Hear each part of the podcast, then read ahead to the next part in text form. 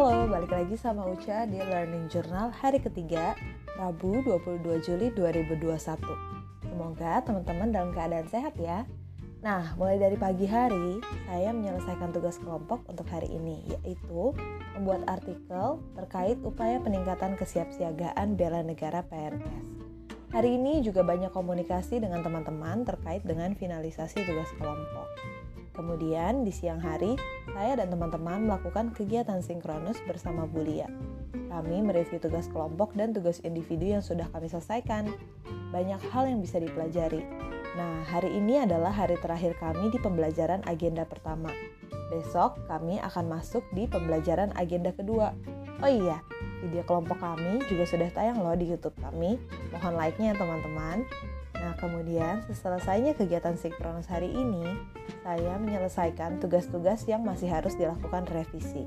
Setelah selesai merevisi, saya menginput tugas saya yang telah saya selesaikan di LMS.